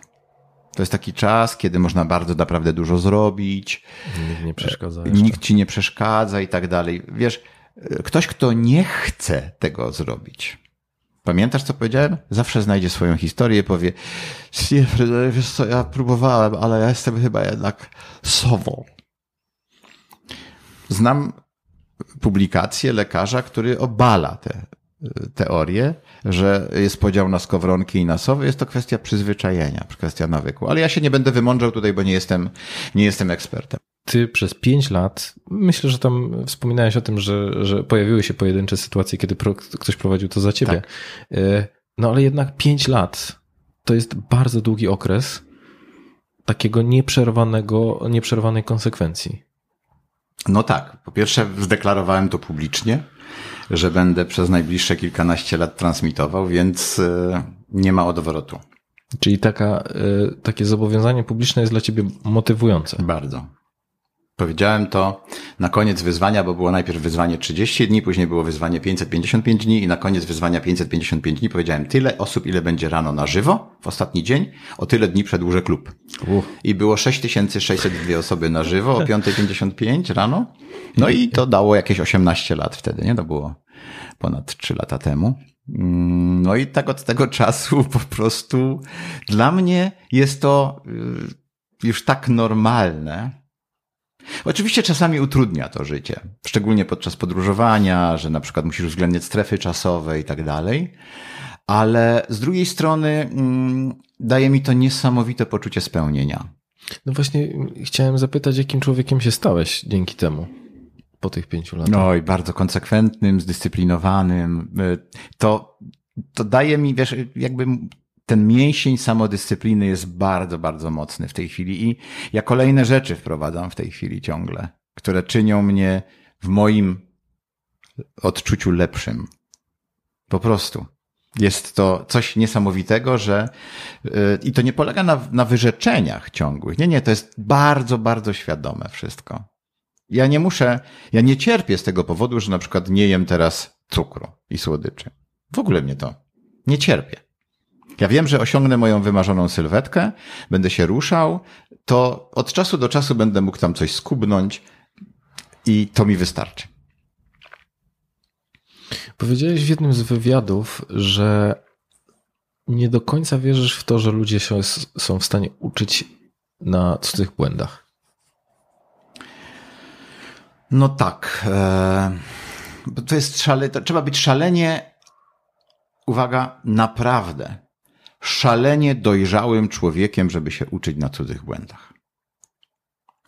Po drugie, błąd zrobiony, Dawid, przez ciebie, popełniony przez ciebie, w jakimś tam czasie, miejscu i okolicznościach, jeżeli ja zrobię dokładnie to samo, co ty, bo ty mówisz, to był błąd, jeżeli ja to zrobię ja, ja, w innych okolicznościach, w innym czasie, w innym miejscu, może się okazać to sukcesem. To zależy, jak postrzegamy błędy. Oczywiście, jeżeli to jest błąd kardynalny, to znaczy wydaję więcej niż zarabiam, to jest błąd kardynalny, no to wiadomo. No ale co z tego? Przecież to, to wszyscy powszechnie wiedzą i tak to robią. Więc jakby uczenie się na cudzych błędach jest mało efektywne. Dopiero jak dostaniesz za przeproszeniem w dupę od życia, bo popełniłeś błąd, ja go popełniłem wtedy w 96-7 roku i to spowodowało, że upadłem, musiałem spłacić 2 miliony złotych. Uwaga, to mnie nauczyło dużo. Naprawdę dużo. No to są ogromne sumy. E, Takie, wiesz, już dla mnie mocno abstrakcyjne w kontekście właśnie nawet z jednej strony mierzenia się z takim rodzajem długu, a z drugiej strony e, spłacenia tego. Ale trzeba. Co miałem zrobić? Tak jak właśnie też opowiadasz z, z tym, że, że trochę nie miałeś wyboru, nie? że No. znowu to było takie te, te swego rodzaju muszę. No tak, no tutaj akurat było to muszę zewnętrzne, No, Oczywiście nie byłem z tego powodu szczęśliwy, ale wiedziałem, że po prostu, jeżeli chcę zachować standard życia i coś jeszcze tam w życiu zrobić, to po prostu się, po prostu muszę ten dług spłacić. Koniec, tak? Jak tak miałeś okazję pracować naprawdę z dużą ilością y, osób w trakcie swojego życia, to czy widzisz coś, co powoduje, że ludzie, mm, co jest czę- częścią wspólną tych osób, które nie podejmują się realizacji marzeń? Już o kilku rzeczach opowiedziałeś, tylko zastanawiam się, czy może jest coś bezpośrednio w kontekście cech osobowości albo nastawienia, które powoduje, że, że ludzie mm, nie stawiają na siebie. Mhm. Myślę, że to jest, znowu to będzie takie banalne, ale, ale trzeba to powiedzieć. To jest brak wiary. Fajnie kiedyś napisał Brian Tracy w książce, którą mam już chyba z ponad 20 lat, maksimum osiągnięć. Napisał, że dostajemy od życia nie to, czego pragniemy, a to, czego oczekujemy. Różnica polega pomiędzy pragnieniem a oczekiwaniem polega na tym, że jeżeli ja czegoś chcę, no to chcę, pragnę czegoś. Oczekiwanie to jest chcę i wierzę w to, że to nastąpi. Po prostu jestem w stu procentach przekonany, że to nastąpi. Dlaczego? Bo chcę. I wierzę w to, że mogę to zrobić. Widzisz różnicę? Mhm. Wierzę, że mogę, chcę, równa się zrobię to. I moim zdaniem ludzie wierzą w tyle rzeczy, a pod względem wiary w siebie są ateistami. Ciężko im to, to zarzucać, że, że, że nie wierzą w siebie, no bo jednak cały system edukacji, często też rodzice są, wiesz, ostatnio nawet, w- znaczy ostatnio, no z perspektywy w w jednym odcinku rozmawiałem z Igą Stanek, ona jest psychologiem i tam roz, rozmawialiśmy o, tak, o wpływie rodziców na to, w jaki sposób funkcjonują dzieci. I zrobiłem taką ankietę, e, w, w której wzięło prawie tysiąc osób udział z pytaniem, czy byłeś wspierany przez rodziców. I no, 52% zadeklarowało, że nie, 30% powiedział trudno powiedzieć, więc zakładam, że też nie do końca były przekonane o tym. Więc myślę, że że my startujemy ciężko, y, często z takiego cię- ciężkiego miejsca, że z jednej strony y, szkoła nas ubez, tak jakby nie wspiera w, tym, w tej wierze w siebie, a z drugiej strony chociażby właśnie to środowisko domowe. Każdemu może się to przytrafić. I to nie jest usprawiedliwienie. Nie chciałbym tego traktować jako usprawiedliwienia, tylko raczej staram się znajdować odpowiedzi, z czego to wynika. No bo jeżeli coś dotyczy większości, to w jaki sposób mnie to zastanawia, z czego to wynika, że większość mm, no, to takiej wiary na przykład w, w, w siebie nie ma. Myślę, że powinniśmy wprowadzić jeszcze jedno pojęcie, które jest takie, wiesz, z pogranicza mm, ezoteryki, może gdzieś z tych okolic. To jest w moim odczuciu pojęcie przebudzenie. To jest taki moment w życiu, Jak książka Obudź się. No, ona tak, taki nosi tytuł, pokazuje moje przebudzenie. Przebudzenie to jest taki moment w życiu, że mówisz, dobra, jestem teraz na rozstaju dróg. Pamiętasz Matrix? Niebieska i czerwona tabletka? Mhm. Niebieska, wracam do łóżka i będę prowadził takie samo życie jak do tej pory. Jeżeli wezmę czerwoną, różnie może być. Może dostanę w dupę, może poniosę jakąś porażkę, popełnię jakieś błędy, ale daję sobie jednocześnie szansę na to, że moje życie będzie bogate w przeżycia. Dobre, fajne, pełne przygód. I to jest ten moment przebudzenia, kiedy fajnie to obrazuje ta scena z filmu y, Matrix, y, gdzie Morpheus daje te dwie tabletki i Neo decyduje się na tę czerwoną. Ja to mam w głowie teraz cały czas. I teraz myślę, że większość ludzi staje w pewnym momencie swojego życia przed takim wyborem, albo nawet nie raz. Idą gdzieś na jakiś, wiesz, wykład, słuchają jakiegoś podcastu, może twojego, może e, oglądają jakiś film w telewizji typu Choć goni nas czas, coś takiego, mówią. I teraz się pojawia jedno pytanie. Jaka będzie cena tego? Ile będzie mnie to kosztować? I bardzo często wybierają tę niebieską, mówią, cena dla mnie jednak wydaje mi się być za wysoka. Ryzyko wydaje mi się być za wysokie. Wolę jednak mieć tę swoją przeciętność, byle jakość, ale znaną, niż fajne rzeczy naprawdę cudowne, ale nie do końca pewne. I to też wracamy do tej sytuacji z lekarzem, który czasami musi na mnie wstrząsnąć i powiedzieć, że jeżeli nie zmienisz swojego życia, no to najprawdopodobniej umrzesz. Stąd te e, spektakularne zmiany w kontekście tego, jak, jak ludzie zaczynają funkcjonować. Jeżeli miałbyś zachęcić e, ludzi, to znaczy dać im taką jedną radę, która miałaby ich popchnąć w, w stronę tego, żeby e, zaczęli spełniać marzenia, to co by to było? Kiedy będziesz odchodził z tego świata, i to potwierdzają badania naukowe, ludzie żałują tego, że czegoś nie zrobili. Najbardziej. Ich starość jest wtedy, oprócz tego, że dotykają ich różnego rodzaju problemy cielesne, choroby, to jeszcze pojawiają się problemy psychiczne. I zaczynają żałować, mając lat 70 czy 80, jeszcze są sprawni. Ale całe ich życie to jest jeden wielki koszmar tego, że pewnych rzeczy nie zrobili, bo nie mieli odwagi. Pięknie napisał w swojej książce John Streleki, książka pod tytułem Wielka Piątka. Napisał, traktuj każdy dzień. My żyjemy na tym świecie przeciętnie około 30 tysięcy dni. Wyobraź sobie teraz, że kiedy odejdziesz z tego świata, staniesz się kustoszem w muzeum swojego życia i każdy dzień będzie eksponatem. I będziesz oprowadzał tam ludzi po muzeum swojego życia. I teraz pokażesz co? Na 30 tysięcy e, eksponatów 25 tysięcy będą dokładnie takie same? To właśnie mnie przekonało swego czasu do tego. Dlatego też ja wolę ponieść to ryzyko, że coś nie wyjdzie. Mam tę odwagę i siła, siła, która powstaje dzięki temu, że wolę mimo wszystko iść w kierunku spełnienia moich marzeń, niż kiedyś żałować, że tego nie zrobiłem.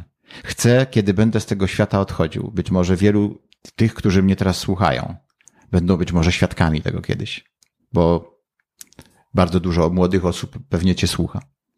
Będą świadkami tego. Ja chciałbym stanąć przed tymi drzwiami, przez które będę musiał przejść raz na zawsze i powiedzieć sobie, I did it my way. Zrobiłem to tak, jak chciałem. Chciałem, żeby było tak i poniosłem wszelkie konsekwencje tego. Po prostu. I do tego zachęcam każdego, żeby swoje życie robił tak, jak chce, żeby było, a nie tak, jak mówią inni, jak mówi się, że powinno być. Żeby to było prawdziwe, płynące z głębokiego serca. Żeby sprawdził swoje wartości i jeżeli powie, komu, ktoś mu, e, powie komuś, wiesz co, ale ja nie chcę klasycznej mieć rodziny, chcę mieć partnerkę, z którą będę jeździł po świecie i nie będziemy mieli dzieci, to też nie jest nic złego w tym. Oczywiście wszyscy znajomi, przyjaciół, bliscy będą mówili, kiedy wreszcie będziecie mieli dzieci. A jeżeli tak wybrałeś, to tak zrób. A jeżeli teraz mówisz, a ja chcę mieć siedmioro dzieci, bo to jest moja pasja, radość, chcę dawać życie, jak najbardziej zrób to po swojemu. Chcesz mieć pięcioro, siedmioro, znajdź sobie partnerkę, która będzie chciała tyle mieć dzieci i po prostu tak zrób. Nie patrz się na to, jak inni mówią, że powinno się robić czy nie. Ktoś ci powie rodzina siedem, przecież to patologia, jak bzdura. Przecież ty możesz zadbać o to, że to będzie najpiękniejsza rodzina na świecie.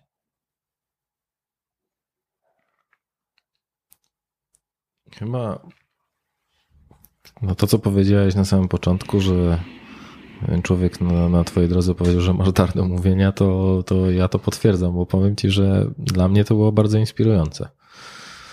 To, co powiedziałeś. Cała przyjemność po mojej stronie, Dawid. Moja misja i sens mojego życia to jest dotykać ludzkich serc. To jest moja misja i mój sens istnienia. Ja po to na świat przyszedłem. Dowiedziałem się o tym mając lat 58. No to nie pozostaje mi nic innego, jak powiedzieć, że mm, ogromną przyjemnością było móc z Tobą porozmawiać. I vice versa. Także dziękuję. Dziękuję. Dziękuję z całego serca za bardzo, dla mnie również inspirującą rozmowę. Dziękuję bardzo. Super, dzięki. Słuchasz podcastu charyzmatyczny. Zasubskrybuj, daj kciuk w górę lub skomentuj.